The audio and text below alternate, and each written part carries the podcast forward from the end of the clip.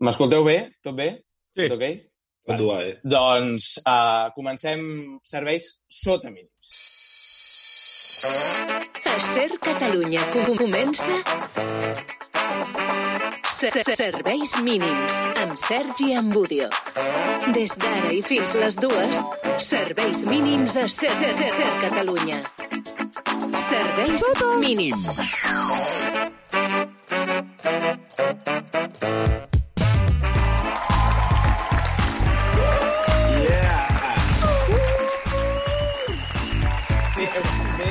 Serveis sota mínims. Uh, els que estigueu mirant el programa per YouTube uh, se us farà més que evident i els que estigueu escoltant el programa pel podcast a Spotify, a l'Evox, a l'Apple Podcast, on sigui, suposo que també ho notareu per la, la qualitat del so.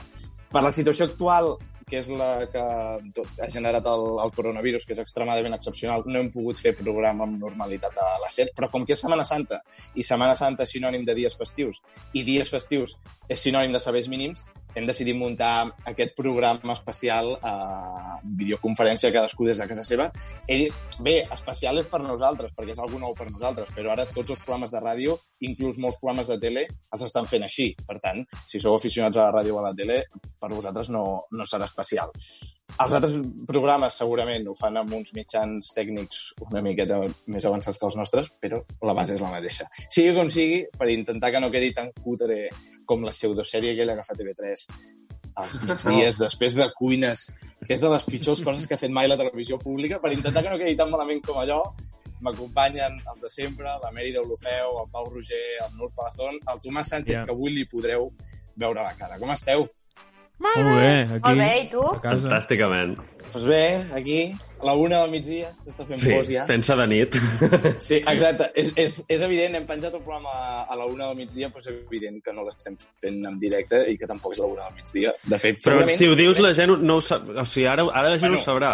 I, jo- i Potser jo crec es, que... pot, pens- es pot pensar que, que fa núvol, i per això fa aquest dia. Bueno, i jo crec que, aviam, amb la mitja horeta o així, d'aquí mitja horeta serà fos ja. Vull dir que millor advertir la gent, millor advertir la gent. Però bueno, a part de tota la, a part de tota la trupe, la novetat, com us he dit, del Tomàs, que li podeu veure a la cara, uh, per intentar que això no quedi tan cutre, com deia, i el, el que fa que realment aquest programa sí que sigui especial. Avui contem i el rebrem amb un aplaudiment per primera vegada simultàniament des de Santa Cristina d'Aro, des de Banyoles, des de Barcelona i també des de Mataró. Contem amb l'Oriol de Ramon i el Xavi Coca dels Detallets. Què tal, com va això? Estàvem aquí calladets, eh? Molt bé, Sí. molt bé. Molt bé. Expectants, com esteu? Molt bé. A mi m'ha Bé. encantat, encantat la intro, aquesta que hi ha. Que Era, chi era chicken o no? L'últim- L'últim trosset és xiquet de Jacob Astorius. Ep, ep, jo haig de dir alguna cosa, eh? Aquesta... Mira, per primera a part de vegada en la història de serveis mínims tenim una careta composada per un servidor, gravada per un Home, ja. servidor, Ah, eh, i haig d'admetre que és copiat del chicken.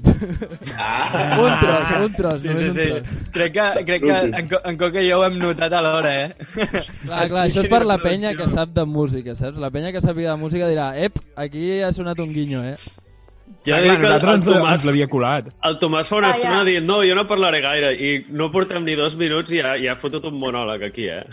Exacte, és donar-li micro i el tio s'hi agafa. Um, per cert, ho, ho hem dit, i, i jo també ho he dit, i ara vosaltres heu dit ja directament, el Coca, Coca. Xavi Coca. Sí, ja, no, no, és, jo és que no, és nom, no és nom artístic en cap cas, no? Xavi Coca. No, com no, l'altre- No, no, què va. No, no, és el cognom. És que jo, a veure, ell sí que es fa dir jotes i així, jo li dic Coca tota la vida. Jotes per què? Uf, és una història curiosa. Digue-la, digue-la. Explica-la, explica-la, va. A veure, La primera jota. sí. Eh, Jotes ve de JJ i i JJ ve de... La primera J és de Jason Williams, que és un jugador de bàsquet que ha sigut sempre el, el meu jugador preferit de bàsquet Sí? i al qual jo li copiava tots els moviments quan jugava a bàsquet, llavors els del meu equip em van començar a dir Jason, així per, per la cara. I la segona J és de John Cena, eh, perquè en un partit ens vam picar i vam fer el, el signe aquest, i, Hòstia. i van començar a dir John Jason, de John Jason JJ i J, i aquí, aquí estem, tu. I ha acabat amb Jota. Però tu tens Ah. molt més motes que... Vull dir, jo no en tinc cap, per exemple. Ja. O sigui, tu has acaparat el de quatre ciutadans. O sigui, tu tens el mote de quatre, els quatre motes per quatre ciutadans. Que li tocarien Sergi, Sí, en Pau i en Tomàs, te'ls has quedat tu.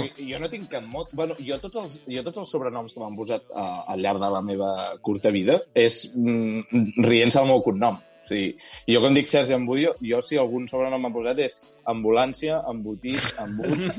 I Bueno, el, dia, nivell- el dia que us feu traperos us haureu de posar un mote, eh? si no... L'haurem de buscar. Sergi Graciós va ser, Ambulància, tio. va ser el dia que... Sí, sí. Un dia que vam tocar amb la Poundgang, quan, li va, quan vaig cridar en Coca. I dic, Coca! I, i tots, eh, què? On? Bueno, uh, comencem al principi. Uh, Posem-nos en situació. Vosaltres veniu de, del Maresme. Sou un, un grup de... Bueno, sou un grup... Clar, ara hem començat a parlar de trap, però vosaltres, buscant informació sobre vosaltres, diu exactament que ho tinc aquí apuntat. Uh, vosaltres us qualifiqueu, o almenys us catalogueu, com a trapetón.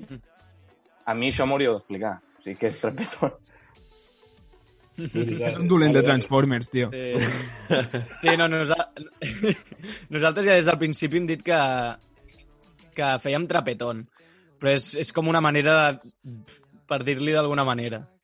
Perquè, en veritat, eh... és com que tenim l'obligació en, el, en el món de la música urbana a, a etiquetar la música que fem. Sí. No? O sigui, perquè si no, ara mateix ens ho esteu preguntant vosaltres, però t'ho pregunta tothom. Saps? O sigui, a, a, I que no són gens originals, vaja. Posar, No. posar etiquetes. No, és posar etiquetes. és posar etiquetes, sí, sí. Però ta- també, que, també és la resposta típica, eh? El, el, bueno, no ens podem posar etiquetes... Eh, Som ànimes lliures... sí, no, per poder dir alguna cosa, doncs diem que fem trapetón, i ho hem dit des del principi, però... I que queda bueno. molt bé, tio. Molt el nom Trapetón, saps? Què Clar, fas? Faig Sí, cal, Trapetón. cal, És, és un cal, embute. cal, dir, cal dir que no és, no és nostre. O sigui, nosaltres vam començar, vam començar a utilitzar aquest nom, ens el vam acunyar, però realment eh, a la llarga vam descobrir que, que ja existia. I llavors, Vaja. O sigui, que aquí cap dels set que està ara mateix en aquest programa no és original, cap dels set. Ni, ni vosaltres ni nosaltres. No. Eh, va, està tot inventat aquí. sí, Però a més, Trapetón vull dir que, que ja té un to una miqueta potser un to de, més humorístic i això, que també encaixa bastant amb el vostre estil de música. Vull dir, perquè vosaltres feu trap, eh, allò, la barreja aquesta, trap, reggaeton, música urbana, electrònica, feu una barreja de molts estils, que també és una cosa molt habitual dels grups d'ara, però que, vull dir, les vostres lletres tenen molta connotació d'humor i molta part de riure'ns de, riure's de vosaltres mateixos i això, i suposo que també aquest trapetón mm, també hi encaixa. Dale, heu de cosa, eh? Sí, li dono va, li dono hauríem de va. respondre. No? Ja és que és, di- és difícil, eh? Aquí la, la, la flueix diferent. Digues, Vale, digues. va, Coca. contesto jo. Eh, eh, sí, o sigui, jo crec que, que es nota bastant no? que el, bueno, tot el contingut que fem nosaltres és en, en to humorístic, en clau humorística, intentem riure de les coses que estan passant al nostre voltant actualment, riure'ns de, de nosaltres mateixos, riure'ns de la nostra pròpia escena, com és l'escena de, de, del trap i del reggaeton. I, I a la vegada, una cosa que jo porto bastant malament, eh, que és tot el tema del, del hateig, del hater, que es genera a, a que tu facis tot això. És a dir, eh, Clar. nosaltres fem mencions, eh, hem agafat el sampler dels Manel, eh, però tot això amb, la clau humorística aquesta que tu dius de, de, de fer referències, fer guinyars d'ull i tal. Mhm. I llavors això deriva que hi hagi molta gent que no ho entengui. Simplement que vegi que tu has agafat, per exemple, el tros de Macking, hagis agafat el, el tros de la Rosalia de Jo per tu, tu per mi, i ja no, no entenguin el per què ho has fet i ja et diguin que ets un copion, saps? Llavors... A veure, això jo- tampoc és, tampoc és algo generalitzat, eh? però sí, No, que no. són, sí que són coses que han, han anat sortint, ens hem anat trobant. Però, però bueno, jo crec que també ara s'accepta bastant més el fet de, del sampleig i de copiar, o sigui, copiar o referenciar, Mm. no? Que, que abans sí que tot el, el plagi estava molt mal, bastant mal vist. No? De, oh, aquest grup ha, ha, ha, ha plagiat a un altre artista. Què, què vol dir això? No. Ara és algo bastant normal, el fet de, Clar. Sí, home, Perquè- recordo perquè que a l'any quedi clar. passat ho va fer... Manel va fer... Va posar tot de samples al seu disco i tothom estava... Ah, però què, què ha passat? No sé què. I tothom estava flipant. Això es pot fer en català, eh? I, i sí, sí, Exacte. va començar a De Maria- popularitzar. De la Maria del Mar Bonet ho van fer, sí, sí. Exacte. Que realment jo crec vosaltres- Sí. Digues, digues. Ah, no, Sí. bueno, la, la, la, o sigui, la tonteria aquesta de, de, dels samplejos i tal, diria que la, el primer cop que ens ho vam trobar amb, amb cançons nostres va ser amb Mala Vida, que és un Mhm. dels, diria que el tercer tema que vam treure, que hi van fotre el, el tra-tra, sona el tra-tra de la Rosalia per allà, sona també el sample de, de l'Ali, de l'AE, Mm. i alguna tonteria així. Vull dir que no va ser... O sigui, el fet d'aquest de, de, de samplejar no és algo que, que diguéssim, uah, hem de copiar la gent per així mm, donar-nos a conèixer. No, va ser algo bastant que ens va, va sorgir. I que a vegades el, el, el sampleig també pot portar cert element de- de- de- d'homenatge, depèn de com. Vull dir, per exemple, ara que comentava el Xavi amb, i que vosaltres ho heu fet amb el sampler de, dels Manel, que és una cosa que també ha fet el Lil Dami, que ara entrarem, si voleu, què passa a la gent que fa trap amb els Manel. Vull dir, no, no, no, no sé quina, quina obsessió hi ha. Que el Lil Dami ho va explicar, que ell ho va dir també perquè un, un grup clàssic de la música catalana i que ell sempre a casa, quan escoltava música catalana, escoltava els Manel i que va veure un dia que els hi volia fer un homenatge. Vull dir que uh, també hi ha aquest punt. Sí, sí, sí. Sí, Sí, realment és- el nostre no va ser... No va ser un homenatge, eh? Tampoc el, el, el fet de samplejar el, els Manel en aquesta cançó. O sigui, sí que ho és perquè jo, per exemple, per mi els Manel és un dels grups més importants per mi a, dins de la meva vida, Uh -huh. que diguéssim.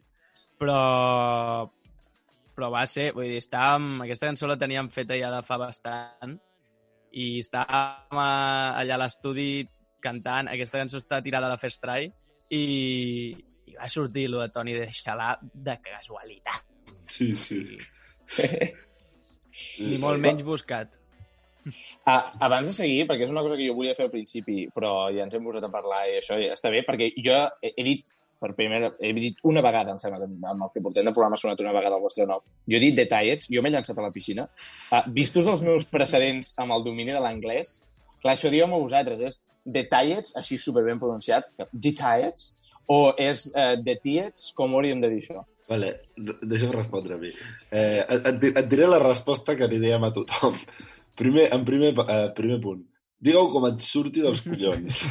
Doncs detallets. Literal. Bé. Llavors, l'altra cosa és que pots dir-ho de tallets, de tiets, mm. o com diu la mare d'Anderra, els tiets. Els Llavors, tiets, mola.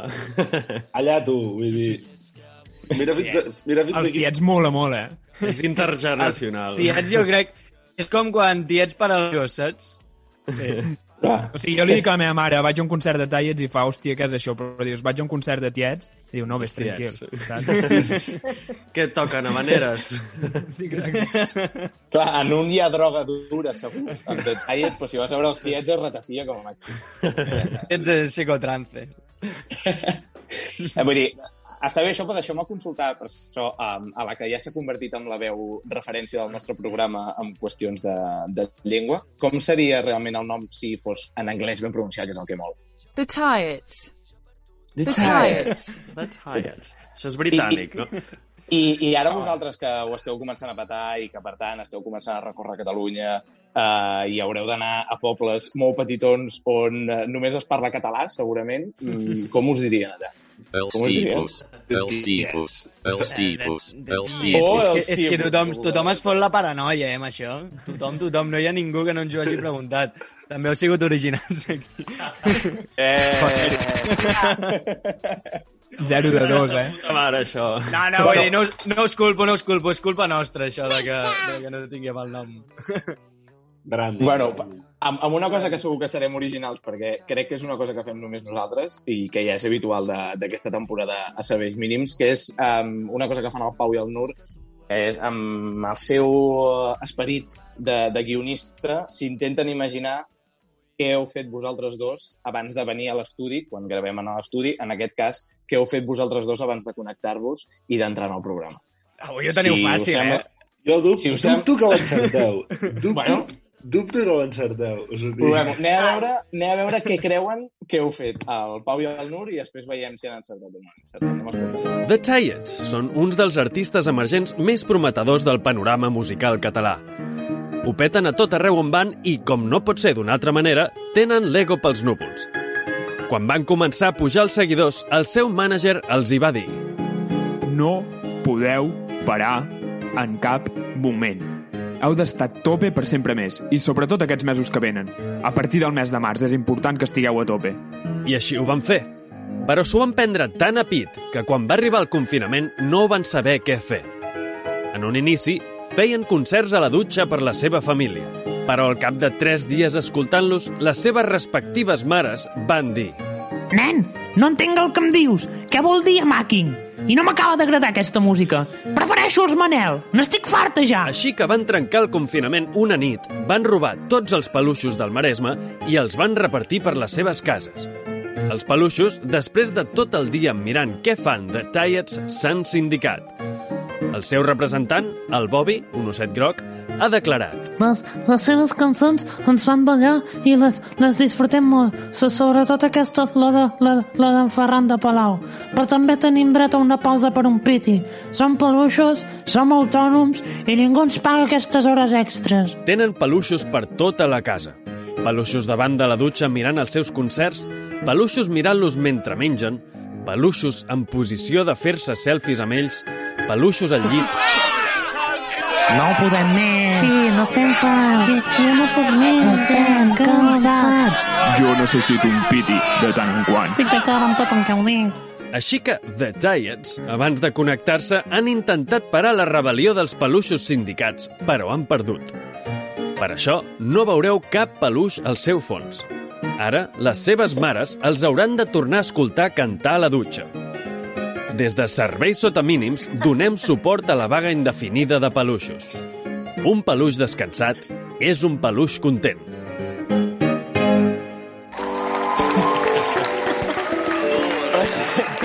Estic plorant, eh? Hi ha peluixos. Hi ha peluixos, hi ha peluixos. N'han segrestat alguns. N'han segrestat uns quants. Què, han, han, han encertat o no? Han encertat o no? S'ajusta perfectament a la s'ajusta que flipes, mira'l. Està aquí queixant-se. Eh! Vull fumar! Amb, amb això dorms? No, no No, t'espans, està- eh? T'esquenes, de cara a la paret, el A veure, no dormo a la taula del many... de la meva habitació, dormo al llit. Està bé, està bé. Bueno, entenc que, que no era això, no? Mm, No. no, però quasi. eh? A veure, no... I què heu fet? jo Què heu- què heu fet abans? Jo no... Jo, jo, jo m'he perdut en el moment dels peluixos, o sigui, on, on han aparegut els peluixos? No, no intentis buscar una coherència uh, narrativa, perquè no... pues com a les nostres temes. Bueno, fem una cosa, ja, ja que ho ha dit ara uh, dels seus temes, anem a escoltar, Tomàs, anem a escoltar un, un altre tema seu que realment sí que està bé i deixem això dels peluixos. De, de, Tomàs Pondi controla, eh?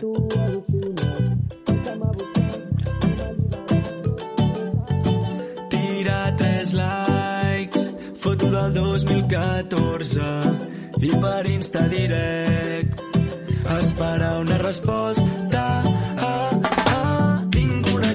Que no té piscina, però té unes vistes que tu... que, podríem dir que ho esteu patant o no?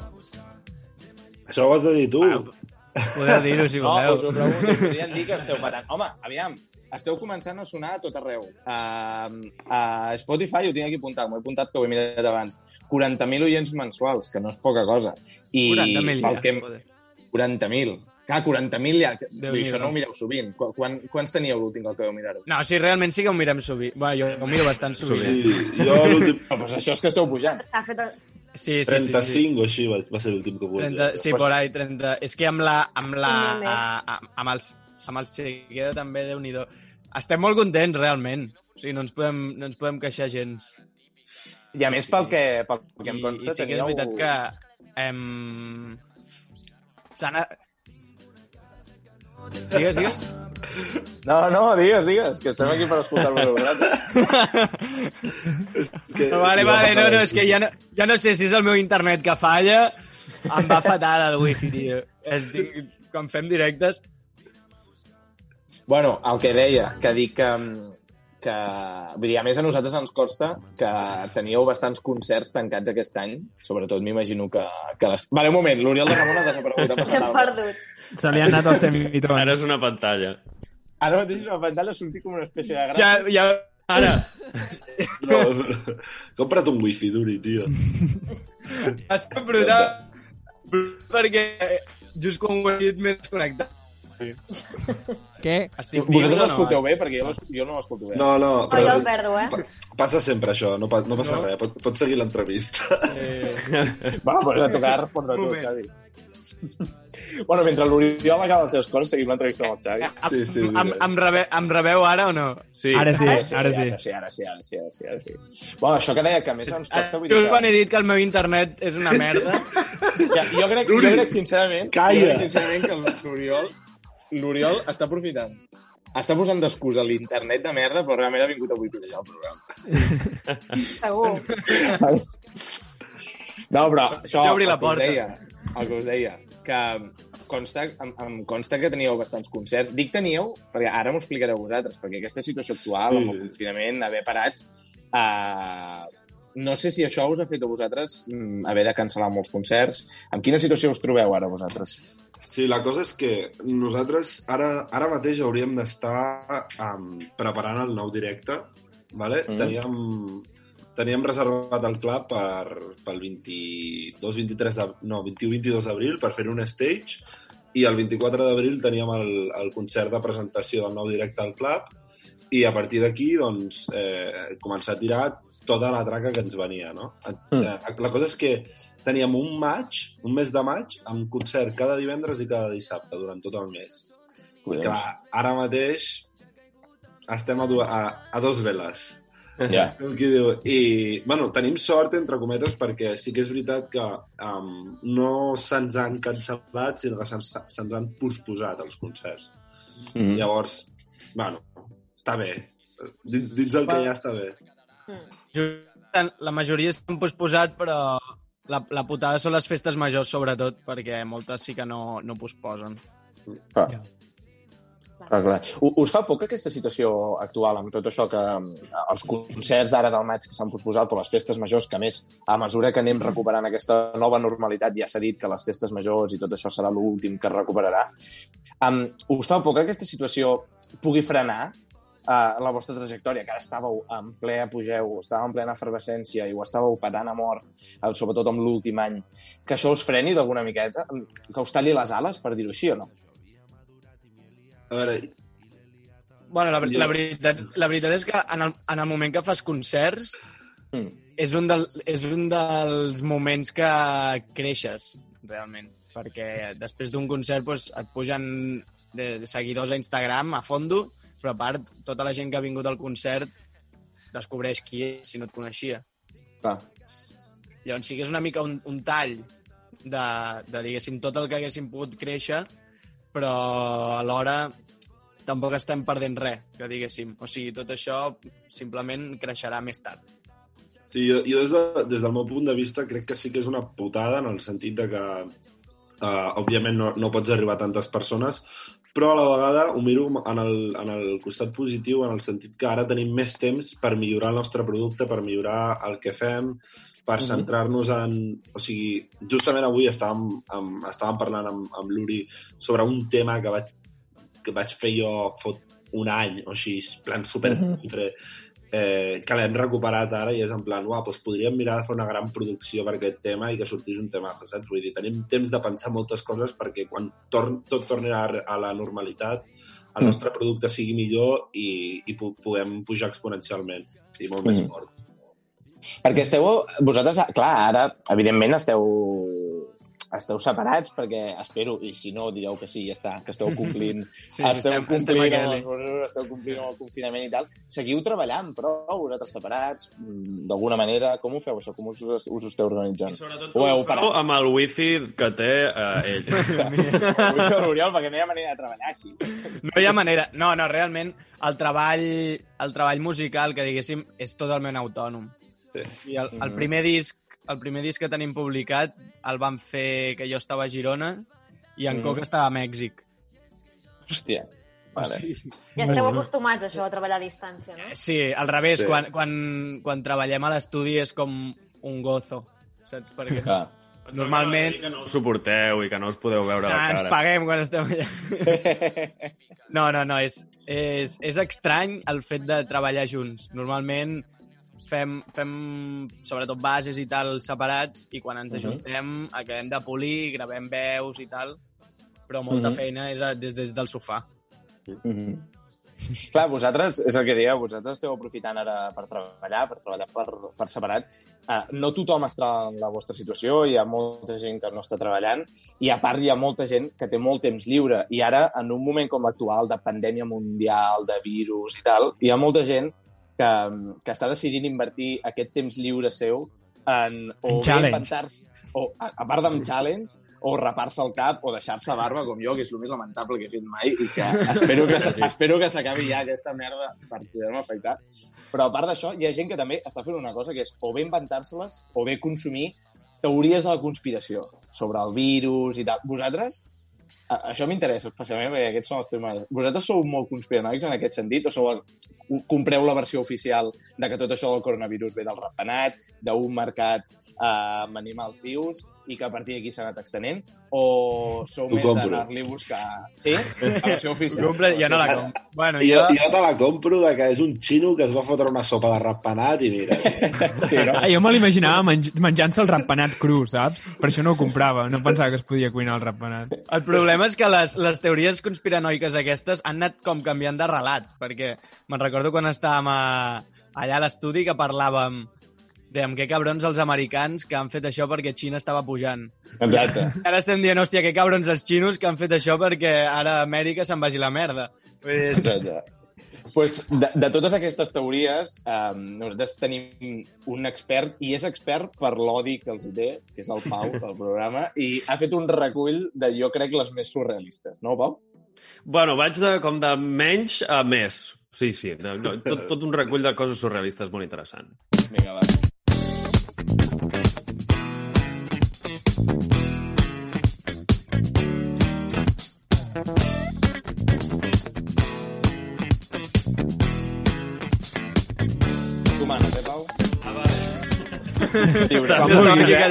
T'estem esperant. Lliure. Jo, és així tot el programa. Ara estem callats durant una hora, vale? No n'hi ha de teories, en realitat. doncs, doncs, com heu bé dit vosaltres, perquè deveu haver llegit sobre el tema, és que les teories conspiranoiques tot comença amb la bàsica, que és, eh, bàsicament, que el coronavirus és una arma química, no? Hi ha dues alternatives que he sentit per igual, com heu dit, que és, eh, és un virus creat per Estats Units per atacar la Xina i és un virus creat per la Xina per atacar els Estats Units, no? En quals- en qualsevol cas, se'ls ha anat de les mans, això està bastant clar, si era una arma química. I sempre, I sempre al mig. Nosaltres, a Espanya, pringant. Efectivament. Sempre passa igual. Vull dir, és igual si és d'aquí cap allà o d'allà cap aquí, que al mig estem nosaltres i pringuem. Eh, que- La tercera opció, que jo que potser és una mica més possible, que és que ho han creat les farmacèutiques. Això què, què en penseu? Home, no estan venent gaires coses, o sí? Bueno, sí, les, Home. les empreses de mascaretes i aquestes coses, Clar. més que... La... Sí. Perquè no tenen gel la de mans... Clar, clar, aquests. És, tot és els dels gels de mans. I tots els tests aquests que, que jo no n'he vist Clar, clar. cap, però bueno. Uh, però llavors uh, llegeixes els experts, perquè jo em dedico a llegir experts, és mentida. Sí. I, i No. t'ho diuen molt clar, que és que l'ésser humà, per molt llest que ens pensem que som, no ho som prou com per crear un virus tan perfecte. Això és el que diuen ells. I això és veritat, que, que no, no tenim els recursos per poder crear un virus que infecti d'una manera tan fantàstica com ho fa el, el coronavirus. Però Potser bueno, va ser un error. potser no? sí. Com a la potser no? bé. Exacte. Però, però el que és lamentable ja de per si és que hagi hagut un expert o un equip d'experts, no vull saber quants, que s'hagin dedicat a anar a desmentir la teoria de la conspiració. Com que no tenen res més a fer, no? Els Exacte, vull dir, prou feina tenen salvant-nos la vida que hi ha hagut gent que ha hagut de perdre hores del seu dia per anar a desmentir la, la, les merdes de la gent. Però bueno, endavant. Efectivament. Llavors hi ha la segona teoria, el segon bloc de teories que ja, no sé si ho heu rebut, que és que el coronavirus no existeix, que tot és culpa del 5G. Això ho heu sentit? no, aquesta no. Com? Hi ha uns Andorra- il·luminats que es creuen que aquesta és una teoria conspiranoica que corre per internet. Hi ha gent que, que ho ha rebut. Els meus pares ho han rebut per WhatsApp i m'ho van explicar. És lo típic que, que deien que les zones del wifi fan càncer, doncs les zones del 5G pues, fan Clar. coronavirus, no? Clar. O sigui, seguint aquest, jo crec que això ha, sigut, això ha sigut una tergi- tergiversació de, de, del fet de que Xina estava a punt de treure el 5G. Sí. No? No, de fet, el, el, el, o sigui, tot coincideix, en realitat co- coincideix que aquests perspicaços investigadors van descobrir que el 5G, 5G s'havia instaurat a Wuhan el, durant el 2019. I llavors, hòstia, quina casualitat, no? Deu ser culpa del 5G el coronavirus. Bàsicament va ser aquesta. La, tot el raonament, no hi ha més teoria al darrere, és aquest. 5G és un pangolín, no?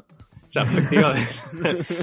La teoria, que no és gaire elaborada, diu uh, que la, les elites, que, bueno, això no sé, no sé qui són les elites, però segur, però suposo que són els Illuminati i aquestes coses que diuen els vampirs o coses, no sé, llencen, llencen partícules des dels avions que poden controlar el 5G, ¿vale? Això ah. es pot controlar el, 5 el 5G de forma remota i llavors aquest 5G porta el virus allà on diuen ells. Però ens arriba el 5G o no? Que, que és l'important. Que necessitem internet. Ara, jo, jo sí que necessito 5G aquí. Sí, Que això està claríssim. Sí. Una mica de coronavirus a casa d'Oriol. Sisplau. No, però I això tu- potser, potser també té a veure amb els sorolls aquests que se senten al cel, que tothom Hòstia, està tio. paranoiat. És Això és veritat. molt loco, eh? És veritat. Deuen ser els avions, els avions dels Illuminati. Però quins sorolls, quins sorolls del Jo no he sentit cap soroll, eh? No ho heu sentit? Només deu passar al Maresme. L'alt- No ho sé, però l'altre dia estàvem... Era a les 4 del matí o així, típic insomni.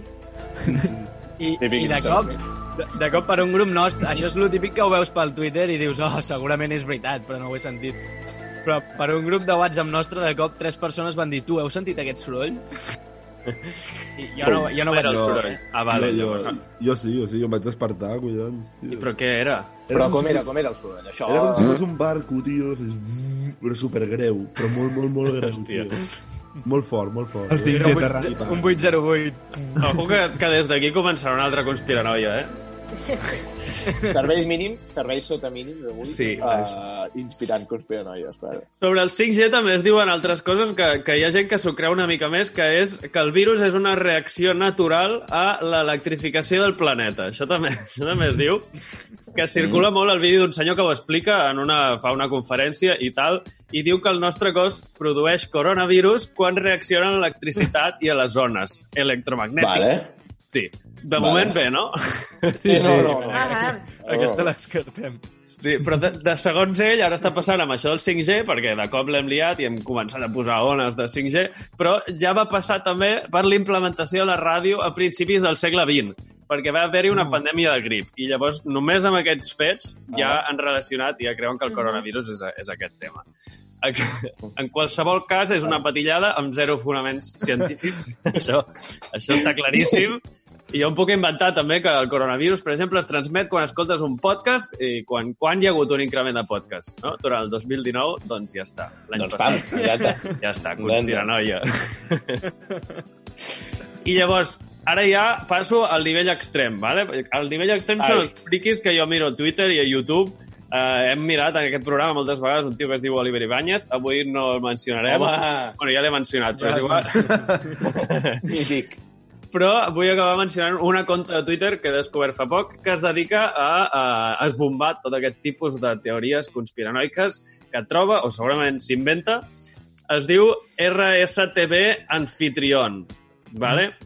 Vale.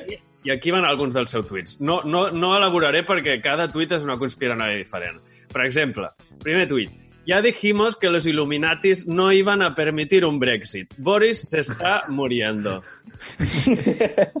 Per exemple, això va ser fa pocs dies quan el Boris estava a, a, a cures intensives.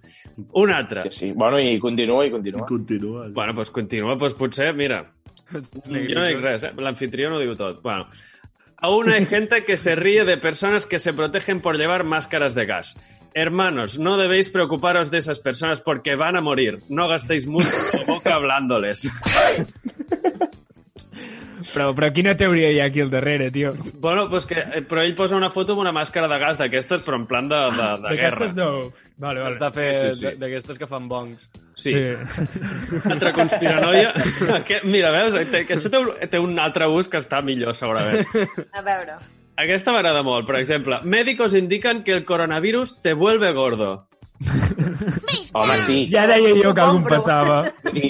Jo no sé si és el coronavirus, però, vull dir, aviam, aquí el set que estem ara, entre nosaltres, vull dir, hi ha algú que pesi menys ara que fa tres setmanes? Jo que... no m'he passat directament. Exacte. Jo, jo crec que peso menys. Jo, jo peso menys. Jo he fet esport com no he fet en tot el 2020.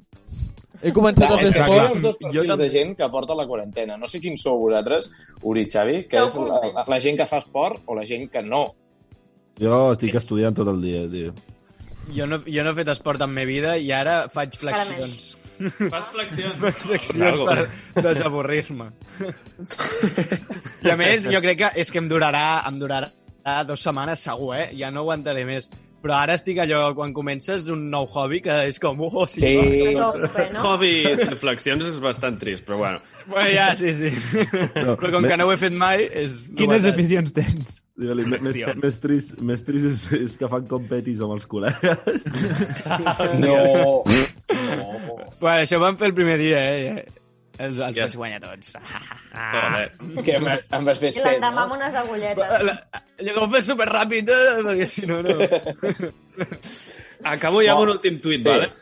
Va. Vinga.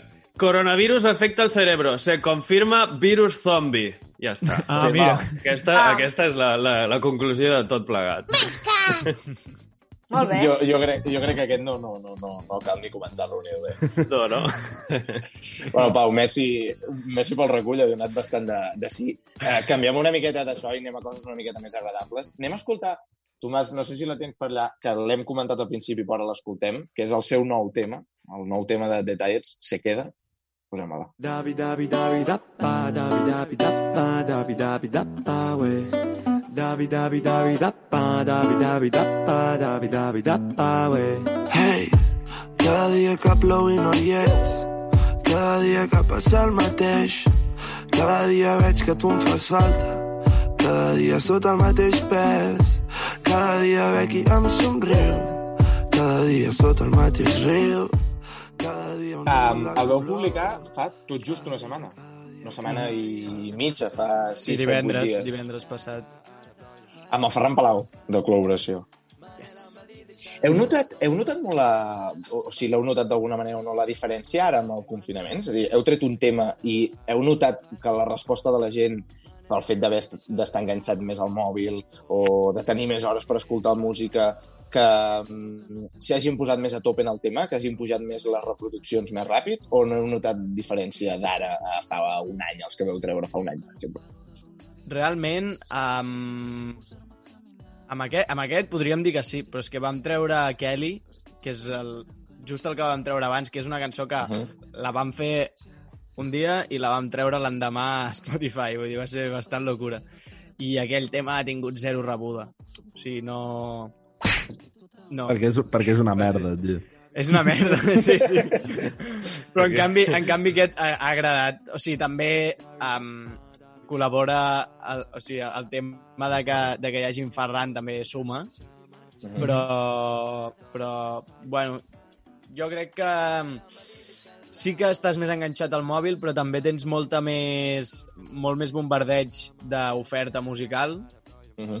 Sí, vull I dir, a el, part- dia, el dia que vam treure Bueno. nosaltres se queda, el dia que vam treure nosaltres se queda, no sé si Gerard Ledo va treure tema, eh, no sé qui més va treure àlbum, en plan, el Guitarrica de la Fuente va treure un tema, també va ser com el divendres passat que tothom va treure de tot aquell dia. Ho vau posar tots. Segur que també van treure alguna cosa. A part, a part que, que molts cops acabes descobrint música perquè quedes amb els col·legues i et diuen uah, has vist el tema que ha tret Ja. no sé qui? Ara això no hi és. I això no hi és. I és, Ja. és putada. Però bueno, no sé, també pot ser que quan sortim pues, tinguem ganes de compartir música que hem descobert. Mm, pot ser, pot ser. Per Pot cert, ser. el, el, el trap és, és només per gent jove? I el trapetón? No. El, trap, pot- el trap potser sí. el trapetón et sorprendries dels papis i mamis que, que hi ha escoltant Sí? sí? de tiets per als És fills. que, i, i, i, per jo us ho dic perquè, perquè ara estàvem parlant del Se Queda, ¿vale? el, el post a Insta per vendre el nou tema, no? el que anunciàveu, que el publicàveu. No sé si el que dèieu el dia 3 n'hi ha o el del mateix dia. ¿vale? Ho tinc escrit aquí. Uh, tenim hype de la hòstia i el videoclip de Clara DR estarà totxo i la col·labo de Ferran Palau és molt foc, doncs ni tan mal el confi. Vull dir, jo, jo tinc jo tinc 25 anys, 26, no sé com estic ara, però tinc, soc com un home de 75, però encara ho entenc. Però és que algú nascut més d'hora del 1990 no entén res del meu col·lectiu. Me- No mare- entenen res, no entenen res, tio. Me mare cada cop que... A, a a l'Insta el porten d'erra, doncs cada cop que cada cop que posa el de nou tema link bio, en plan, link de biografia, cada, cada cop me mare em pregunta què és bio? Sí, no, no, realment aquí, aquí és on es nota la, la bretxa generacional, eh? Amb el, amb el Sí, no? llenguatge. Però, però bueno, és això. Els, tots els pares del cau s'escolten més la maca que, que els seus fills. Sí, jo crec... Arriba, arriba fins al punt que um, el tema de Santrap, que va ser el primer tema que vam treure, jo comen Mhm. començo cantant el meu tros dient em faig un peta amb la toneta. Vale? La toneta és la geganta de Mataró. Eh, Vale. Ma mare en tenia em faig un pet. I em va dir que era molt escatològic. Bueno, no sé si és millor que entengués pet, eh? Sí. Que quan li vaig dir que es tractava de, de fumar, de borros, va dir, ah, bueno, vale. Em quedo Ok, més un pet no, però un peta sí. No li hauria de dir, no? No. Perquè, quin diríeu, quin diríeu que és el vostre públic? És a dir, què, què, què espereu trobar en els concerts que estiguin allà baix amb vos? Que escoltant-vos i A ballant. veure, el que, es- jo crec que el que, el que esperaríem trobar, o sigui, allò, la, o el que per nosaltres seria brutal, seria gent de la nostra edat, potser un pèl més grans, un pèl més petits, però normalment, i passa molts cops, és que l'efecte fandom és gent més petita. Clar. I bastant més petita, i ens trobem que en els concerts hi ha, hi ha bastant de- d'adolescent. Però bueno, que... Mm. Vull dir, hi són i ho rebenten, saps? Vull dir, no, no tenim cap Ah. tipus de, cap tipus de, de mania, saps? Ens diuen, ah, està ple de niñatos. Doncs pues mira, endavant, saps? Hi ha com Sí, els sí. niñatos davant i la gent més gran a darrere. O sigui, Si tothom ho disfruta, pues suda, tio. Perdoneu, és que ara... És que perdoneu pel que t'ha dit el rotllo. És que ara m'estava tornant a mirar la barba i realment... Ets un egocèntric de merda. Sergi, No, és tio. que, però és que és, eh, o sigui, és, és el pitjor que he fet a la vida. És que ho, ho estava pensant. Va començar tot amb una, amb una broma, fent, fent broma als meus col·legues, als meus companys de pis, i ara he d'aguantar fins que tot això acabi, vull dir que s'acabi ja. Um, però això m'ha fet pensar, dic, què, què és el pitjor? Aquí vull saber-ho de tots. Què és el pitjor que heu fet en aquestes tres setmanes i, i mitja que portem de confinament? Perquè tantes hores a casa donen per molt. Sí, comenceu vosaltres, si us sembla, Uri i Xavi, sou els convidats. has pillat, eh? Què diríeu que és el pitjor que heu fet, a part de fer competicions d'abdominals amb els teus col·legues? Potser sigui això, eh? Flexions, Vaig eh? durar un dia, eh? L'endemà estava... tenia una segulleta dels braços. Jo, jo, jo diria que la, la pitjor decisió que he pres en aquest confinament va ser un dia Sí. Que vaig decidir enxitxar... Va ser el dia que vaig acabar exàmens, jo vaig fer exàmens online, i el dia que vaig acabar vaig Vale. decidir que pels meus pebrots aquell dia m'anava a dormir a les 6 de la matinada, que volia fer el que fos. I mala decisió perquè a partir d'aquell dia he anat acumulant i tinc, o sigui, tinc vas cansat, un, jet, un jet lag acumulat que i dic, no puc anar a dormir més, avi, més aviat de les, de les 4 i em llevo a les 12 i estic rebentat, saps? Vingut al club, nano. I vosaltres? Pau, Nur, Mary... Jo segurament sigui... Uh, o sigui, jo quan va començar això... Tomàs, Tomàs, Tu- també. el no Tomàs també. Tomàs. És que no quan va començar el confinament... Quan va començar el confinament, tothom començava, sí, ah, de ser supercreatius, uh, hem de fer molt podcast. Jo vaig, jo vaig dir, no faré cap podcast. Doncs pam! Portes doncs ja? pam, segurament el pitjor que he fet durant el confinament sigui això. Vinga. Bueno, m'encaixa. A veure, jo eh, ha sigut el creure en perruquera. O sigui, el meu, germà, el meu germà tenia el cabell llarg I Ai, jo et mirava, et mirava ara i ja deia, s'ha fet algú, s'ha fet algú que no li ha quedat bé. Bueno, em va dir... No, no, t'ho compro, eh? Em va dir, em pots passar una mica la màquina per aquí darrere? Sí, sí, sí. I vaig fotre una clapa aquí, que bueno, sort que no s'ho veu, però per la resta ja li creixerà. No, sí, sí. Sí, ja temps, Esperem, ja, ja. esperem que No. no escolti el programa. No, no, no. Tanca la porta. I tu, Nur? Jo donar-me que, que puc viure a casa sense sortir, tio. Per dir, no s'acabi mai el confinament. És molt trist, això. A mi també m'ha Sí, sí. passat. I, I ara amb els meus companys de pis vam dir, va, al principi era, hòstia, avui ja vaig a comprar, tal. I ara és, uf, vés-hi tu, vés-hi tu a comprar, o sigui, estic molt bé aquí al sofà, si no sortiré al bon preu ara o al Capravo, o sigui, estic molt bé al sofà. No. Jo no veig el dia que això s'acabi, eh, sisplau. Que no... I Tomàs, va, Tomàs, Gràcies. tanca tu.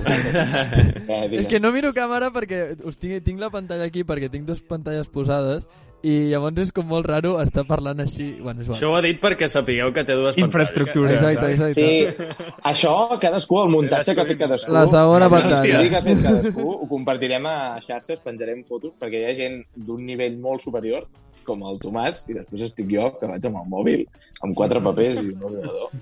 Uh, que és fatal. Va, va, Tomàs, digues. Bueno, va, uh, jo aquest, uh, aquest confinament el meu pegat ha sigut començar a fer esport perquè em vaig enxitxar una setmana i el primer dia vaig començar ja a tope perquè jo abans jugava a handball i estava fit, saps? Sí. Però clar, va, ho, aquest any ho vaig deixar, llavors des del setembre que no feia res. Llavors em vaig creure que estava igual de forma que quan vaig deixar el handball i, dos, i tres dies amb agulletes, eh? Ni la pitjor ressaca. Vull dir, tres dies amb agulletes que no em podia jupir, totes les cames em feien molt de mal. A més, em vaig descarregar una app, saps? Per, per fer-ho amb una app, perquè dic, jo no me'n recordo sí, de sí, res. la- la- la professional. La típica de l'app, eh? I a La l'app li va donar perquè jo aquell dia fes cames, i vinga, cames i cames, i, i bueno, vaig acabar rebentadíssim, però rebentadíssim. Bueno, si us sembla, com que hem de seguir de seguir cobrant, anem a, a, anem a Publi i, i, i tornem. Són dos minuts, no, no m'estem. Dos minuts. I tornem.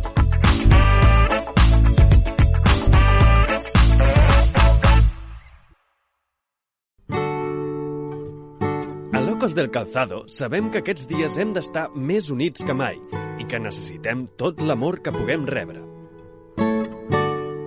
Tot i això, nosaltres venem sabates, pel que el missatge que et volem donar és el següent.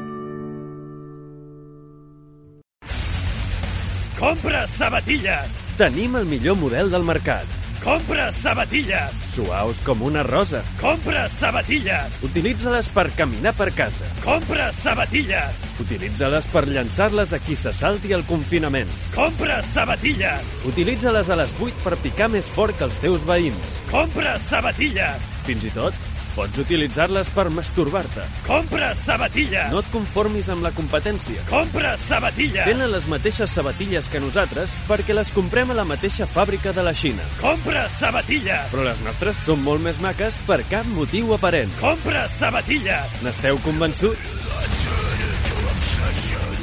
La millor manera de relaxar-se a casa.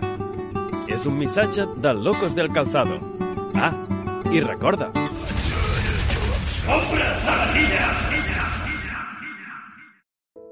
Jolín, volia aprofitar aquests dies per fer una mica d'exercici, però no aconsegueixo posar-m'hi.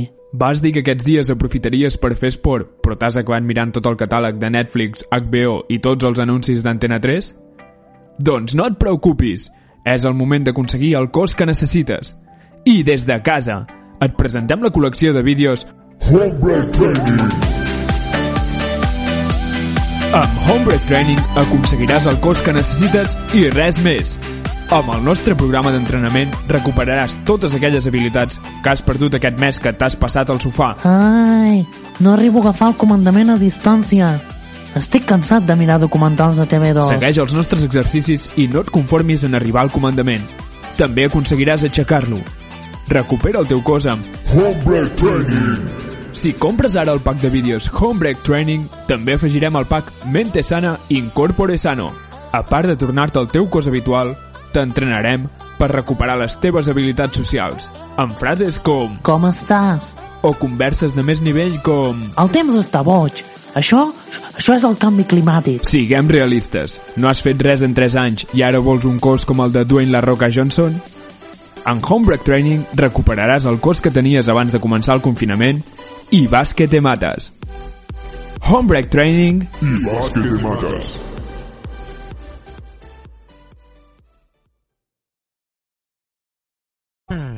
Seguiu escoltant Serveis Mínims. Si estàs escoltant aquest programa és que no tens gaires coses a fer.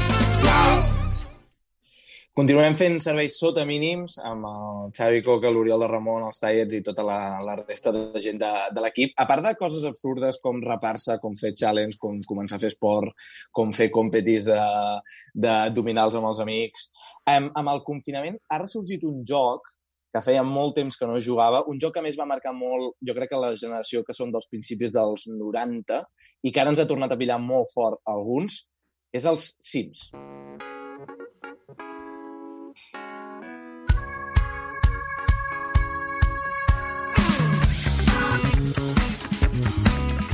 I heu jugat vosaltres aquests dies als Sims?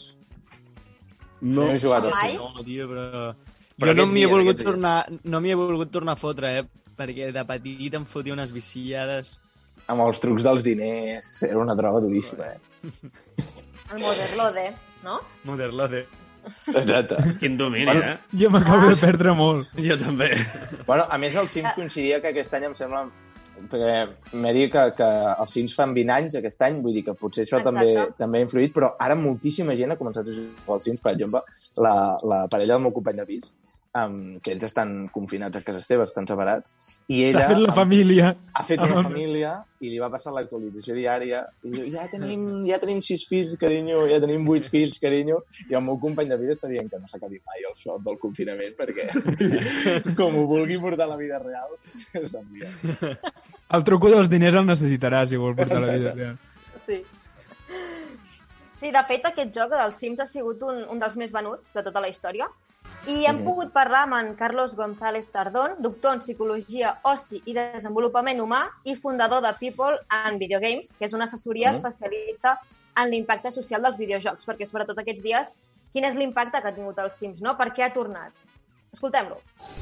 Principalmente creo que el regreso de los Sims se debe a dos motivos fundamentales. El primero es los 20 años de la saga, o sea que lógicamente bueno han salido en todos los medios de comunicación y, además han sacado su último juego Sim 4 a, a un descuento muy importante casi todas las partes del mundo y eso nos ha llevado a volver atrás, a volver ese momento de hace 20 años, esa generación que jugó a los Sim durante mucho tiempo. Y el segundo eh, puede ser o dos cosas. Una, poder hacer aquello que no puedes hacer en el día a día, pues por ejemplo, pues eso, sobre todo lo que tiene que ver con interacción humana, pero realmente creo que lo que está ocurriendo es que al estar confinados en tu casa, los sim lo que siempre ha permitido ha sido hacer unas casas maravillosas y entonces, bueno, en vez de vivir en un piso pequeño o, o limitado, pues en- tienes la posibilidad, haciendo el truco del dinero, de poder construir la casa en la que te gustaría estar viviendo ahora, sobre todo porque ahora mismo la casa es lo más importante que tenemos.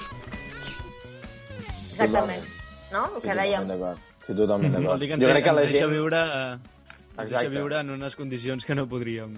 Exacte. Mm. O sigui, la gent està vivint a través del joc la vida que no, que no podem tenir ara, diguéssim. Home, a veure, quan, quan teniu l'opció de comprar-vos allò que tens sofàs i ja del més barat o el més car, Eh. Sí. qui s'agafa el sofà barato? No vols el més maco, vols el més car. Clar, tio, és una porqueria. El... Exactament. doncs mm, hi ha molta gent enganxada aquests dies jugant als Sims, però a part també volia posar sobre la taula les hores que gastem, o sigui, mirant pel·lícules, mirant Ui, sèries. sí, sí. Per això, mira, us compartiré un moment la pantalla, a veure si ho veieu. Uh, alta tecnologia, eh? Toma Sí? ja. Ho veieu? Sí. Sí, sí. Infografies, Sí, sí, sí. eh? Mare Vale. Déu. Doncs, És que hem fet un salt endavant, clarament, amb aquests sectors. sí, no? doncs, suposadament, segons un informe uh, de Digital Consumer 24 hores indoor, que clar, ens passem 24 hores aquí dins, diu que ens passem una mitja de 45,6 hores setmanals mirant pel·lícules i sèries online, el que equival Està mal. més o menys a dos dies gairebé. Sí, clar. Uau. Poc em sembla. Ah, jo no sé si mireu gaires sèries o gaires pel·lícules aquests dies. Sí. Jo no paro, eh? Jo m'he viciat el, el Tiger King aquest i, bueno, Sí, tu Ah, és una sèrie, eh? I tot, no? Sí, sí. És una sèrie, és flipant, eh? Bueno, jo no sabia que hi havia tanta gent que tenia tigres a casa. Bueno. Però- no vist anunciar. A part d'això, també hem de parlar de les aplicacions que més s'han descarregat aquests dies. Dius, vale, House Party, ok? Sí. Zoom, Palmar, eh? bien, Estem fent servir ara Zoom. clar. Clar, és- i dius, mi DGT. Ah, però en plan, a veure, no Mi pots sortir de casa. Què coi? Però perquè és el moment, és el moment que, re, que comences a recordar i dius, hòstia, que potser tinc alguna multa pendent. A veure, quan no sigui per jugar al Grand Theft Auto aquest, jo no entenc per què te vols treure el carnet ara. La veritat, però bueno. I, Hòstia, DGT la quarta, tu. sí, si seguim amb data, dades així curioses, veurem Mm. els productes més populars durant el confinament. Tothom sí. s'ha donat per Bidet. fer pa, fer pastissos, i dius, vale, bien, peses, tots en forma, aquí, en Tomàs a tope, també. Jo m'he comprat una taula de ping-pong. Ah, bueno, Jo he fet No donuts. Jo he fet donuts. mira, Llevat, tot el llevat. Ah, Però el que m'ha sobtat és bidet. O sigui, Sí. bidet d'un bidet, que dius... Però això, això és que Vale. s'ho han comprat ara o, o que l'utilitzen més? Vale, jo he estat llavors investigant, no? I dic, vale, la gent per què es compra un bidet? Jo tinc una I dius, teoria. A veure, a veure, hagan sus apuestes. Digues. Perquè s'ha acabat el paper de vàter, no? I així et pots Vale. rentar el cul. Ah, Vale. ah, ah. Oh, boníssim! Hi ha gent, hi ha gent que diu, en comptes d'invertir en paper de vàter, em compro un bidet i problema solucionat. No he d'anar Que és a igual de car, no? Ja, ja. Clar, bueno, Que me n'instal·lin. a veure, clar, tot s'ha de dir. Amb un bidet tu pots anar tirant, no fa falta paper de vàter. Però se l'han instal·lat ells o... A... Perquè no pot venir el tècnic. Clar, però és más populares, no más comprados. És el que Clar. la gent ha dit. En què fas més? Doncs levadura de pan, para pan, saps? Peses. Les peses m'ho estan patant a casa ara, saps?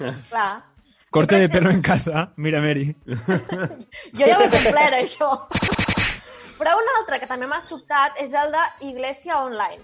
O sigui, això que s'ha posat molt de moda, fer les misses, igualment s'han continuat fent, i, i res, aquestes són les El cura per que Zoom, eh? Així, amb Ah, la gent trepitjant.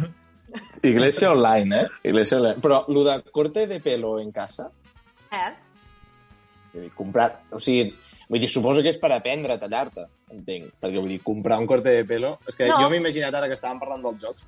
Vull dir, aquí qui li hagi jugat alguna vegada sabrà què és el Grand Theft Auto, quan anaves a la perruqueria, que podies entrar amb el cabell que porto jo ara i, i podies sortir amb unes rastes perfectament.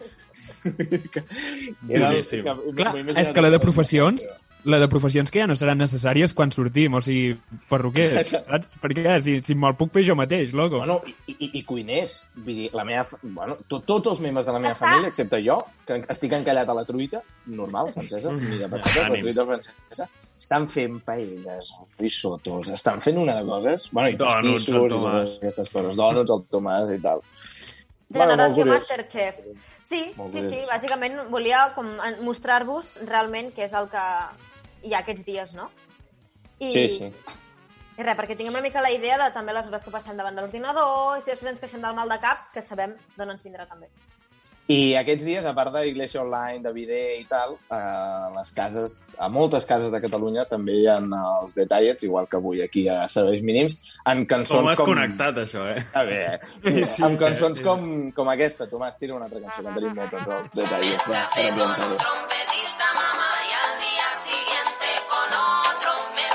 Aquí en gravar, en Tomàs va gravar, eh? Eh? Trompetes. Me escapé con un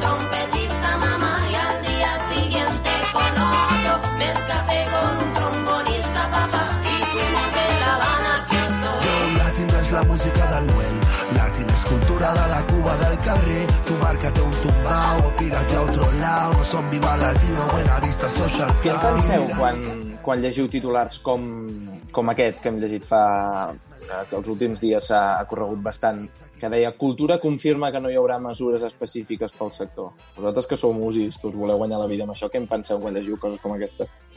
Doncs és complicat interpretar-ho, la veritat, perquè estàs a l'espera d'una cosa que no saps ni què és, ni que quan passarà, ni, ni Mhm. absolutament res. Llavors, jo crec que, o sigui, tots sabem que, que tornarem a actuar, que tornarem a omplir escenaris, eh, sales i tal, però clar, el, el fet de no saber quan, mira, nosaltres tenim la sort, entre cometes, que eh, estem estudiant i entre, o sigui, ai, el tema aquest de detallets, doncs no, ens, no, no estem vivint d'això, però la gent que està vivint d'això realment, hòstia, Mhm. és, és una putada. Mm. I a més a mi em fa gràcia que es digués textualment no es prendran mesures eh, amb cultura. Era algo així la frase que va dir Uh -huh. eh, l'Avalos, diria. Eh, bueno, és graciós, perquè segurament tampoc hi han... La putada de la cultura és que no hi ha lobbies que facin pressió, o no massa. Mhm. I, i sempre som l'últim mico. Em, I bueno, està, està així, però també eh, s'està demostrant bastant amb aquest confinament que la cultura és algo bastant imprescindible Totalment. i que tothom des de ser casa està consumint cultura cada dia tot el rato des d'escoltar aquest programa fins a mm, mirar una sèrie, escoltar-te una cançó, és que tot, tot, tot el dia. I, i, bueno, jo crec que també s'ha de fer, s'ha de fer consciència de, de la importància que té i de que darrere de tot això hi ha gent que ho està fent i que el vulguem o no, al final t'has de gastar diners per, per, per poder consumir-ho. Perquè molts Sí. cops ara la, la, la música la consumim gratis, Uh -huh. però d'algun- d'alguna manera hi han d'haver ingressos perquè hi hagi aquesta música gratis. Sí, jo crec que fe- fent, fent referència al que diu l'Uri, eh, una cosa que crec que passarà en el, en el món de, de la cultura és que eh, els hàbits canviaran. Vull dir, eh, que, o sigui, tothom ha descobert un món nou, tothom ha descobert que es poden fer concerts online, que es pot fer una representació teatral online, que vull dir, que se, se t'acaba d'o- d'obrir una porta i segurament d'ara en endavant òbviament la gent tornarà a fer el, els shows convencionals, no? però que sí que potser hi haurà gent que pues, si se'm cancela un concert, doncs opto per fer un concert online i, Mhm. saps? Vull dir I heu pensat vosaltres en això? Heu buscat alguna alternativa per fer alguna cosa? Eh, us heu dit, eh, va, Uri, va, Xavi, mm, plantegem-nos eh, aviam què hem de fer ara, d'aquí dos, tres mesos, quan arribem a aquesta nova normalitat no? que s'està dient. De, tu mateix ho estàs dient, estàs fent la reflexió ara, Xavi, de que res serà igual que el que coneixíem com fins ara. No sé si vosaltres us heu plantejat aquest nou escenari de com afrontar-lo com a grup, en aquest cas. No, jo crec que tampoc hem tingut el moment de reflexiu de parlar nosaltres dos de com, com veiem això, com encarem el futur. Um, jo crec que aquesta comença l'haurem de tenir quan ens veiem. Però, però bueno, sí que el bo de nosaltres és que ja estem molt acostumats a les noves tecnologies i des de que vam sortir les hem utilitzat tant com hem sapigut. Sí que hi ha gent que és algú que no se sent del tot còmode, però per nosaltres és com Pedro por su casa. Mm. I llavors, um, això... Bueno, sí que hem descobert el live, que no n'havíem fet masses i n'hem fet alguns aquests dies. Mm -hmm. I és, és, és interessant perquè, per exemple, això, mira, això sí que respon una mica a la teva pregunta. Em, estàvem fent un live i de cop ens va aparèixer el, una mm, notificació d'aquestes de gent que es vol connectar mm -hmm. i se'ns hi va connectar la Fúmiga, que no sé si ho coneixeu, que és un grup, Mhm. és un grup valencià. Sí. I, i vam connectar... Bueno, el, vaig, el vaig afegir al, en el live i de cop van començar a pujar allà seguidors... Bueno, amb espectadores Mm. i el bo és que molta gent, quan ells van marxar, molt, molts valencians es van quedar en el, en la, en el live i Mm, ens van començar posar- a seguir molts valencians a, I que- clar. a l'Instagram. I, I això mola, tio, perquè nosaltres volíem anar a València, llavors és com... Clar, clar. Va, va ser, hòstia, nano, això és una bona manera de... D'entrar al mercat. Sí, sí. Mm -hmm. Perquè ara, amb això que dieu, eh, i ho comentàvem amb el live, en aquest, en aquest món en el que vivim actualment, de les noves tecnologies, de, dels continguts que es fan virals, que alhora després tenen la contrapartida de que és tot molt més efímer i que tot se'ns en va de les mans molt més ràpid, creieu que és, um, ara és més complicat o és més fàcil triomfar en la música? Mira, jo et respondré... O sigui, jo crec que és... Això va per mercats. Vull dir, en el, en el mercat de català, actualment, uh -huh. No et diria que... O sigui, arribar a una posició com la que estem nosaltres no és tan... O sigui, no és tan difícil com si, per exemple, nosaltres haguéssim nascut a Estats Units, m'entens? Vull dir, una, un artista de la nostra envergadura als Estats Units no tindria els números que tenim nosaltres i no tindria el share, però perquè allà és, és tot tan gros i que no, i agafen a persones tan puntuals, tan bones, que, que no se'ls dona, no hi dona share, no? I Mhm. el fet de el fet aquest de, que dius tu, de les noves tecnologies, potser sí que ajudarà a nous artistes a, a fer-se un lloc al mercat, però en diferents modalitats. Per exemple, amb això del tema del TikTok està creixent moltíssim, molta gent que, Totalment. que fan miniconcerts o bueno, pengen vídeos o el Twitch. Uh -huh. Això Mhm. que dèiem, vaig llegir un- l'altre dia un article que deia que, que els músics ens havíem de començar a posar les piles amb Twitch perquè era el futur, era eh, doncs les tendències aquestes de fer videoconcerts i tot això doncs acabarà sent Mhm. per Twitch perquè la plataforma està molt ben feta. Llavors, no, no sé si el ritme de creixement serà més o menys eh, que el d'ara, però sí que les formes seran diferents. Mm -hmm.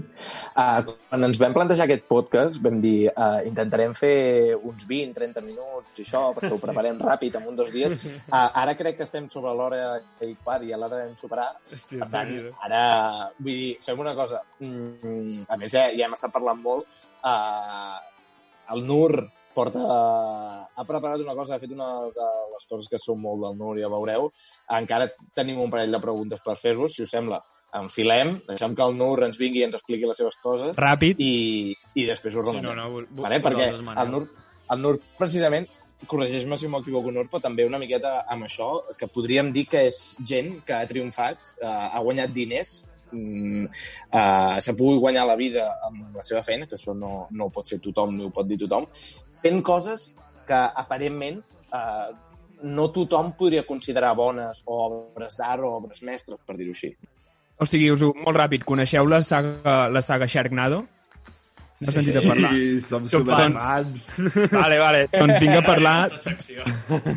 Vinc a parlar de la productora que, que va crear Sharknado, que es diu The Asylum, que, que bàsicament totes les seves pel·lis tenen entre un 2 i un 4 de puntuació a qualsevol plataforma d'aquestes de cine. I el que ara coneixem de Sharknado, que és una pel·li d'uns taurons que venen amb tornados a atacar Los Angeles, bàsicament és això així ràpid, doncs van començar com, com una productora de, de cine de terror, però el que els va passar és que no es menjaven un rosco. O sigui, ells van començar a fer pel·lis de por, però les grans productores se'ls menjaven. I el 2005 agafen eh, la pel·li de la Guerra dels Mons, agafen el llibre de la Guerra dels Mons, no, no és un llibre, bueno, agafen la Guerra dels Mons i en el mateix moment que ells ho treuen, l'Spielberg també treu una pel·li. I què passa? Tothom comença a comprar la seva Guerra dels Mons pensa que és... I en aquest moment diuen, tu, tate, aquí hi ha negoci, anem a començar un festival de còpies. I ara aquí porto un recull que jo us diré la còpia, o sigui, la pel·li que van fer ells, Vale? i m'heu de dir si, si sabeu de quina venen. O sigui, jo, per exemple, Vale. si dic aquesta, la productora Sharknado va treure Transmorphers. Transformers. Exacte, van fer... Ens, de fet, la van treure dos dies abans que Transformers, perquè ells el que fan és fer fer pel·lis en tres mesos, per exemple. O sigui, sabien que Transformers té una producció d'un any, doncs ells els últims tres mesos la fan i la treuen uns dies abans, i així la gent es confon. Si jo, per exemple, dic Jurassic World, Jurassic World. exacte, Trias, doncs aquí... com? Triàsic Triàsic World. Han agafat una altra era dels dinosaures. També hi ha Serpientes en el tren, que és de Serpientes en el avión, que és exactament el mateix argument. De Terminators, que... Aquests no són, no són corret gaire, eh? Sí. Ja. Però per mi, el més brutal de tots és que van treure Titanic 2, sense haver Titanic 2. Però és que més segur que, segur que són dolentíssimes aquestes pel·lis. Sí, sí, o sigui, us heu d'imaginar amb els pitjors efectes especials de la història. O sigui, estan molt mal fetes. N'has vist alguna, tu, d'aquestes? Sí, jo n'he vist bastantes, perquè, perquè m'agrada bastant. Sharknado Sí, és, és recomanable. Clar, clar, és que rius molt. Ja ens diuen, o sigui, la gent es pensa que ho fan per fer humor, o sigui, perquè fan, se'n riuen d'aquestes pel·lis així, ja realment no, no els agrada dir que se'n riuen d'aquestes pel·lis. Ells diuen que fan pel·lis relacionades amb coses i que fan el seu rotllo, que bàsicament el que diuen és anem a fer pasta I ja està. Això m'agrada m'agrada molt perquè, un incís, eh? perquè um, segueix la nostra filosofia que és keep it cutre. Vull dir... Sí, sí, totalment. Sí, Titanic 2 no es van ni currar l'argument, o sigui, bàsicament és Titanic, uh, fan un barco al cap de 100 anys que es diu Titanic 2 i passa exactament el mateix que Titanic. Una... Ja me, me la miraré, tio. en, en, també en un moment diuen va, anem a ampliar el nostre mercat. I van a una, a una convenció de cures per valorar si el mercat religiós és un bon mercat per fer cine. I fan, I decideixen fer una sucursal religiosa treuen una pel·li que es diu Sunday School Musical. Que és High School Musical però amb coros d'església. És molt loco tot. I clar, la cosa que, que flipa és que, que realment que ningú els denunciés, saps? Fins que fa poc, fa 10 anys o així, van, va sortir la pel·li Battleship als Estats Units i Ah. ells van treure American Battleship i aquests van dir, tu, ens heu copiat la pel·li no sé què, i van dir, vale, doncs ho canviem per American Warship. Ah, bueno, que més o menys també cola. I el més, que més mal els hi va fer, perquè aquests sí que van pillar, és que quan va sortir el Hobbit, ells van treure l'era de los Hobbits. Clar, és que... I la productora del Senyor dels Anells va dir no, no, això no, no sé què, i ho van canviar per l'era de los elfos. Que, bueno, que ja més el rotllo. la, la, la, la mitologia, no? O sigui, és Clar, clar. Bueno, passen dels hobbits als elfos. Però quins genis, no, aquesta gent? Sí, sí, o sigui, i es veu que han fet bastanta pasta, perquè han venut les seves pel·lis, vull dir, si poseu el canal Sci-Fi, em sembla que és, a la tele, sempre Sí. hi ha pel·lis d'aquestes, rotllo Sharknado, i les que recomanaré ara, que és una saga original seva, de les poques, a part de Sharknado, és l'altra saga seva, i és recomanació personal perquè les he vist totes i són genials. La saga Megatiburon, que bàsicament és un tauró molt gran, que la primera pel·li és Megatiburon contra Pulpo Gigante, això, un tauró molt gran amb un pop gegant, Megatiburon contra Crocosaurio és la segona, que el claim de la pel·li és gane quien gane, la humanitat pierde. La tercera la tenim Megatiburon contra Mechatiburon, Però què, que què és un metge tiburon? És el Megatiburon, però com que intenten derrotar... O sigui, la cosa és que sempre la humanitat també intenta derrotar el Megatiburon s'estigui barallant amb qui s'estigui barallant. doncs creen un tiburon robot igual de gros. Aquesta I- l'he vist jo, també. Sí, exacte, doncs el claim Jo és molt... per, per Antena 3 o... Sí, amb, sí. La, amb la tonteria les van emetent, aquestes pel·lis, eh? Sí, sí, Sí, sí, no, sí, no, si i pasta són- fan, eh? són molt divertides de veure. I res, l'última pel·li de la saga és, es van posar serios amb el tema política i es diu Megatiburon contra Colossus i és que el Megatiburon s'enfronta a un robot rus que va conquerir els Estats Units. La seva interpretació de la Guerra Freda. Sí, i va, això és una mica les meves recomanacions de cine i de- d'Asylum, que fan pel·lis dolentes i sabent que les fan dolentes, que a mi això és el que em flipa més. Bueno, doncs ara que tenim tot, tots tantes hores lliures i això, aprofiteu i mireu tot a- el, el, el, bon, el bon grapat de pel·lícules que, que ha dit el Nur i anem a acabar anem a acabar el programa d'avui a- amb una cançó també dels detalls només faltaria que ara poséssim, no sé, Guns N' Roses mm. uh, uh, una cançó que és Tremero, em sembla, Tomàs, oi que sí? Uh, Cachota, me tiene en la casa. ¡Qué bacanería Z!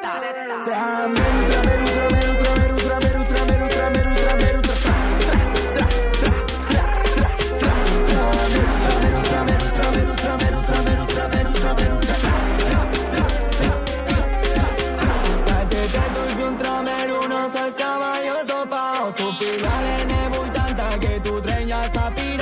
Aquesta és més dura, eh? Sí, eh? És més canyera aquesta. Per cert, uh, Oriol Xavi, abans recuperant una entrevista, preparant el programa, he vist que, que veu dir un dia que la vostra professora de música, no sé si us ho havia dit els dos o un dels dos, la vostra professora de música us havia dit que no arribaríeu enlloc. Sí, eh? Va- Van Ah. fer una entrevista i van, fer, van fer el clickbait, que era això, al YouTube. Però, però això, això és cert o us veu tirar el rotllo? Mira, eh? això jo t'explico la història. Això, a- a- el Derra i jo hem fet música des dels 3 anys junts, vale? I quan hauríem tenir 10 anys, una cosa així, vosaltres us en recordeu quan fa uns anys el Colacao amb el paquet gros donaven regals? Sí. Sí, Vale. tant. Encara ho fan, no sé eh? què, aquesta- Va haver-hi va fan. haver-hi va haver un cop que donaven com unes rodetes que tu te les posaves al taló amb Jo la... les tenia. Vale. Nosaltres les vam tenir.